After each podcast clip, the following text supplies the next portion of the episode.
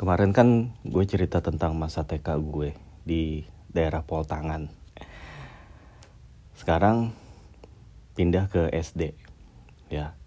Dan kebetulan memang bokap gue juga pindah rumah pas dari gue TK ke SD. Jadi karena bokap gue itu pengen nyekolahin gue di sekolah yang namanya Yasporbi. Dia nyari rumah tuh yang deket-deket situ ya yang pokoknya masih dalam walking distance. Gitu. Nah jarak dari Poltangan ke rumah kontrakan gue yang baru itu paling ya 3-4 km lah. 3 sampai 4 km cuman beda sisi stasiun eh sisi rel kereta. Jadi kalau Poltangan itu ada di sisi timur rel kereta. Kalau tempat gue yang baru ini di sisi baratnya. Ya. Tempatnya itu cukup strategis di tempat gue yang baru itu dan lebih enak ya. Kalau pol tangan itu lebih padat ya lebih banyak orang. Nah kalau yang di tempat baru ini lebih sepi lebih peaceful gue ngerasanya sih ya. Terus uh, ke mana-mana juga lebih deket gitu. Nah terus hmm, rumah gue ini deket juga dengan jalan Palapa di pasar Minggu. Lu kalau tahu bubur ayam Palapa, nah itu rumah gue deket-deket situ, gak jauh dari situ. Bubur ayam Palapa itu terkenal se-Santero Jakarta ya. Kalau kalau nggak percaya googling aja. Salah satu bubur yang paling enak emang. Nah dulu sebelum ada bubur Palapa di situ, itu ada mie ayam. Mie ayam yang jual tuh engkoh-engkoh Chinese Muslim ya halal mie-nya jadinya. Dia jualan di situ uh, tahun-tahun 90-an ya 90-an awal. Selama 15 tahunan lah dia jualan situ. Terus habis itu dia pindah ke rumahnya dia. Jadi rumahnya dia itu berjarak kayak paling 50 meter dari tempat dia jualan dulu. Dia sekarang tinggal di situ jualan di situ. Nah tempat yang dulu dia tempatin sekarang di uh, dipakai oleh bubur ayam palapa. Kalau lu dari etnis Tionghoa mungkin percaya tuh bahwa tempat itu bawa hoki. Nah rumah gue ini itu berjarak kurang lebih 50 meteran lah dari si bubur ayam palapa ini. Masuk ke jalan-jalan kecil di situ. Namanya Jalan Pisang. Nah, emang sekitar situ tuh nama jalannya buah-buahan ya ada jalan jambu jalan pisang jalan mangga anggur dan lain-lain. Gue di jalan itu rumah gue dan rumah gue itu lokasinya tusuk sate jadi dari jalan jambu jalan pisang dan dari ujung jalan mangga itu kelihatan rumah gue mungkin lagi-lagi kalau lihat sudut pandang ilmu feng shui itu nggak bagus punya rumah di situ tapi ya anyway yang ada aja. Nah, rumah gue itu kecil sebetulnya. Ya, kamarnya cuma satu, kamar pembantu satu, terus ada ada loteng ya di atas tempat jemuran, pakai tangga spiral naik ke situ itu. Ya. Kamar mandinya juga cuma satu.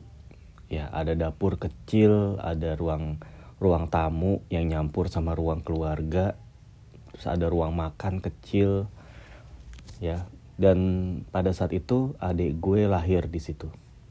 Adik gue lahir di situ ya. Jadi gue sama adik gue tuh beda enam tahun. Gue kelas 1 SD adik gue tuh baru lahir. Nah terus di sekitaran rumah gue ini tetangga tetangganya itu dempet juga. Cuman somehow lebih beragam dibandingin dengan tetangga di bol, di Poltangan ya tetangga-tetangga sekitaran gue itu ada yang mohon maaf nih ya dari kalangan menengah ke bawah tapi ada juga yang kalangan menengah ke atas ya. Yang kalangan menengah ke atas tuh contohnya ada Sawung Jabu. Sawung Jabu itu musisi ya kantata takwa yaitu dia satu tongkrongan sama Iwan Fals ya. dan gue pernah ngeliat dulu Iwan Fals itu datang ke rumahnya si Saung Jabo dia uh, berkeliling pakai pakai apa namanya pakai baju ketat gitu ya kaos ketat pakai celana jeans bolong-bolong rambutnya gondrong gue pikir itu siapa. Terus orang-orang itu pada ngomong ih itu Iwan Fals Iwan Fals. Masih muda waktu itu Iwan Fals tuh ya pada tahun-tahun segitu. Dia ngeband ya pokoknya ngejam lah sama si Sawong Jabo di situ sama istrinya si Sawong Jabo juga si Susan Piper. Nah gue sama anak-anaknya Sawong Jabo ini kenal. Um, ya namanya juga orang kaya ya. Dia tuh punya mainan banyak. Dia punya Lego dia punya Nintendo dia punya Game Boy. Gue dulu sering tuh minjem Game Boynya dia tapi kadang-kadang dia pelit juga. Masa bilangnya gini kalau lo mau main Game Boy gue bawa baterai lu sendiri. Akhirnya gue bawa bawa baterai dong buat minjem Game Boynya dia. Ada empat baterai di Game Boy itu. Terus hmm,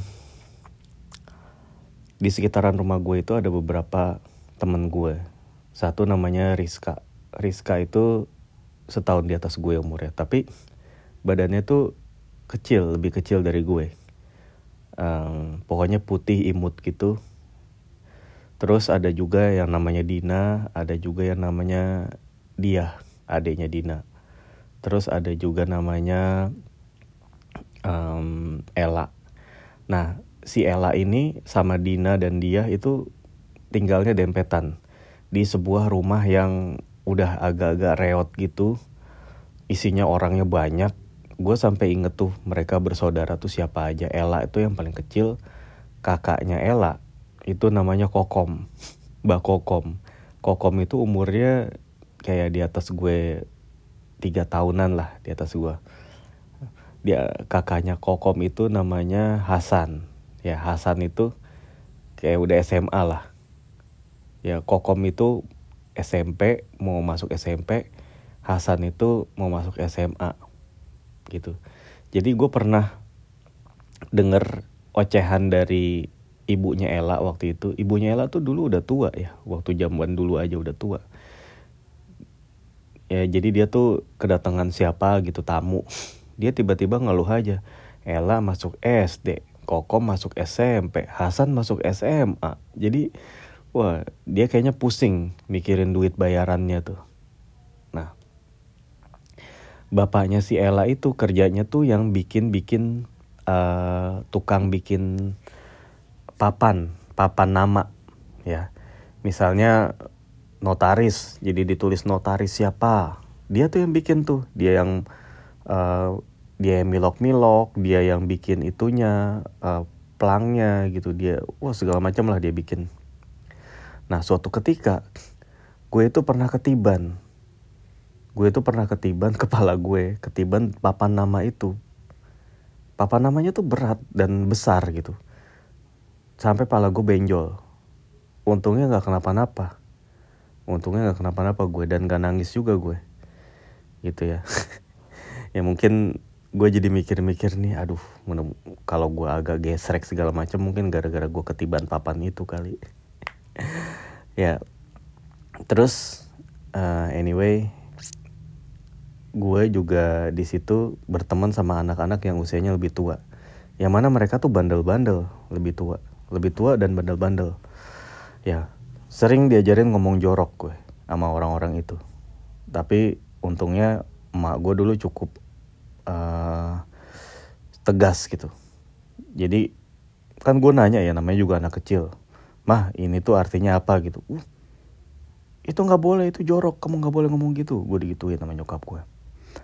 Terus nyokap gue marah-marahin itu anak. Siapa tuh yang ngajar-ngajarin? Gitu deh ada anak yang usianya lebih gede eh lebih gede. Usianya lebih tua maksudnya. Udah SMP lah namanya Anto. Ada juga namanya Rojak. Jadi ada Anto ada Rojak yang lebih tua tuh. Ada si Andri Andri itu kakaknya si Rizka. Ya. Sama si siapa lagi tuh namanya ya? Ada Hilman ada yang namanya Hilman. Hilman itu juga udah mau masuk SMP waktu itu. Ya terus uh, ya pokoknya di situ tuh cerita-ceritanya menarik lah ya si rumahnya kan dempet Nah si Ella itu juga punya kakak namanya Angga. Nah Angga ini yang sepantaran gue. Si Ella itu kelas 1 SD. Gue itu kelas 3 ya. Si Angga ini kelas 4 ya. Tapi dia nggak naik kelas mulu. Berapa kali dia nggak naik kelas waktu itu. Ya nggak naik kelas. Dan pas lagi dia habis terima rapot nggak naik kelas. Wah emaknya tuh ngamuk-ngamuk sampai kedengeran ke gue. Ke rumah gue. Terus nyokap gue tuh, utuh dengeran denger tuh denger tuh si Angga lagi dimarahin gitu nah uh, dulu kan zaman awal-awal TV berwarna ya ya tahun-tahun 90-an awal itu nah si Ella itu keluarganya nggak punya TV berwarna. TV-nya dia tuh masih TV hitam putih. Dan TV hitam putih itu cuman nangkep siaran TVRI dan TVRI Programa 2 ya jadi nggak dapet tuh TV uh, eh, RCTI, TPI dulu kan baru ada dua ya. TV swasta tuh RCTI sama TPI dulu ya. Habis itu baru muncul Antv, SCTV, terus kemudian Indosiar tuh awal-awal ya. Tapi dulu ada RCTI dan uh, tiap jam 8 malam itu gue selalu menunggu-nunggu ya. Karena uh, hari Senin itu ada Miami Vice di jam 8 malam hari Senin. Terus hari Selasa itu Selasa gue lupa filmnya apa uh, Rabu itu uh, Rabu itu Night Rider ya eh Selasa 21 Jump Street ya gue jadi inget dia tuh Senin Miami Vice Selasa 21 Jump Street Rabu Night Rider Kamis Airwolf Jumat MacGyver Sabtu Kung Fu The Legend Continues. Wah, inget banget gue itu film-film. Ya. Jadi si Ella itu pernah uh, Ella sama si Mbak Kokom itu numpang pengen nonton TV gitu kan dit boleh numpang nggak nonton TV kayak apa sih? Film Airwolf? Iya bener dia nonton. Wih keren banget ya gitu. Langsung pokoknya mereka tuh terkagum-kagum gitu ya terkagum-kagum. Ya terus uh, si Ella itu kan emang anaknya ya biasa anak kecil ya celamitan ya. Jadi gue tuh gue kan suka dikasih buah sama nyokap gue mangga mangga manis gitu ya dipotong kotak-kotak gitu dia tuh ngeliatin aja gue makan mangga mak gue mungkin kasihan kali ya akhirnya dikasih lah tuh mangga dipotongin nih uh dia girang banget dibawa ke rumah mangganya terus sampai dibagi-bagi ke saudara-saudaranya ya Nah terus si Ella itu juga punya ponakan. Sama ponakan gue lupa lah. Berarti kakaknya kakaknya Hasan yang namanya gue nggak tahu lupa. Punya anak namanya Wahyu. Nah si Wahyu ini ya biasa ya anak kecil lah ya. Ya jorok banget lah bawa-bawa kecap. Dia suka bawa-bawa botol kecap dan dimakanin kecapnya. Dan ya namanya juga anak kecil juga tumpah-tumpah. Jadi ubinnya itu penuh dengan kecap. Ubin rumahnya dia. Wah pokoknya satu rumah itu penuh banget isinya entah ada berapa berapa kepala yang ada tinggal di situ ya rumahnya itu juga masih pakai lampu yang lampu bohlam yang warna kuning bukan lampu yang warna putih bukan bohlam putih atau bukan lampu neon juga. Oh, gitu deh pokoknya kehidupannya. Ya di depan gue yang satu lagi si Johan Sawong Jabo yang artis terkenal saat itu di sebelah gue rumahnya si Ella. Nah dekat situ juga ada gue berteman berteman sama anaknya pilot ya namanya Yanti sama Jati nah si si Jati ini yang seumuran gue eh di bawah gue lah di bawah gue setahun gitu ya si Yanti ini yang di atas gue setahun temannya si Rizka gitu baik mereka tuh baik-baik gue dikasih main main Nintendo dulu jadi dulu itu main Nintendo cuman boleh hari Sabtu Minggu. Nah gue sering tuh main ke rumah dia tuh Sabtu dan Minggu. Gitu. Tapi habis itu bokap gue mungkin risih kali yang ngeliat gue main di rumah orang mulu. Akhirnya dibeliin deh tuh gue Nintendo. Dan waktu itu harganya mahal. Harganya 200 uh, 250 ribu apa Nintendo itu zaman dulu. Dan uh, sebagai konteks ya, dulu itu ya dua dua ratus lima puluh ribu itu gaji seorang guru SD guru SD negeri. Kenapa gue bisa tahu? Ntar di cerita selanjutnya di part berikutnya. Dua ratus lima puluh ribu. Jadi mungkin gaji bokap gue itu sekitar eh, uh, ratus ribu kali ya. Empat ratus ribu atau tiga ratus ribu gitu gaji bokap gue tapi dia ngebeliin tuh. Ngebeliin gue mainan Nintendo itu. Ya lu bayangin aja betapa mahalnya saat itu. Ya karena gue kepengen dulu mainan Nintendo itu dan gue bener-bener jadi game mania. Mario Mario Bros Double Dragon dan game-game lainnya tuh gue sampai tamatin. Gue kalau main Nintendo itu sampai dedicated banget dan sampai gue bisa tamatin. Gitu. Ya. Nah di SD Asporbi ya di SD Asporbi gue inget beberapa guru ya namanya kalau kelas 1 itu guru gue namanya Bu Narsih ya orang Jawa galak tegas gitu ya. Perawak, perawakannya itu kulitnya gelap rambutnya pendek ya matanya melotot gitu ya. Pakai pakai lipstick yang rada tebel gitu. Warna lipsticknya kontras. Pakai kalau ngajar pakai blazer ya. Kalau ngomong keras gue pernah dimarahin sama dia gara-gara gue nggak ngerti ya waktu zaman SD itu kan ada jam pulang ya gitu tiba-tiba gue main bawa tas sambil makan mau pulang. Terus gue dibentak sama dia. Eh kamu mau ke mana? Mau pulang bu. Nanti belum waktunya pulang. Malah makan lagi di kelas. Nggak boleh makan di kelas. Gue duduk lagi gitu. Wah pokoknya dulu kan gue belum ngerti lah ya. Tapi akhirnya pas lagi gara-gara diomelin itu gue jadi ngerti gitu. Tapi Bu Narsi biarpun galak, sebenarnya dia hatinya lembut. Jadi pernah gue sakit. Gue sakit adalah berapa hari gitu, hampir seminggu sakit radang tenggorokan waktu itu. Ya, nggak sembuh-sembuh gue batuk, radang tenggorokan, pilek, ya demam. Eh tiba-tiba Bu Narsi itu datang ke rumah gue. Datang ke rumah ngejenguk, nanya keadaannya. Sama dia tuh dibawain madu satu botol, sama telur ayam kampung beberapa. Ini bu, kasih bu, biar cepat sembuh, bilang ke nyokap gue. Nyokap gue sampai heran, ya ampun bu, baik banget bu. Iya udah gak apa-apa gitu.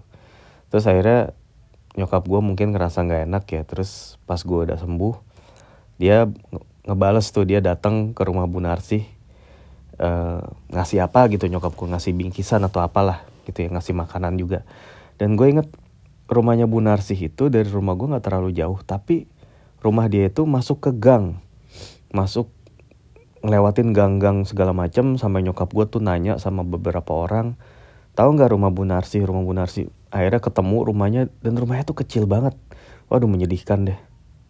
Padahal SD gue itu waktu itu termasuk sekolah yang bayarannya mahal ya fasilitasnya bagus tapi ya guru-gurunya kayak begitu ya nasibnya gitu. Dan gue waktu SD itu uh, prestasi gue ya biasa banget lah.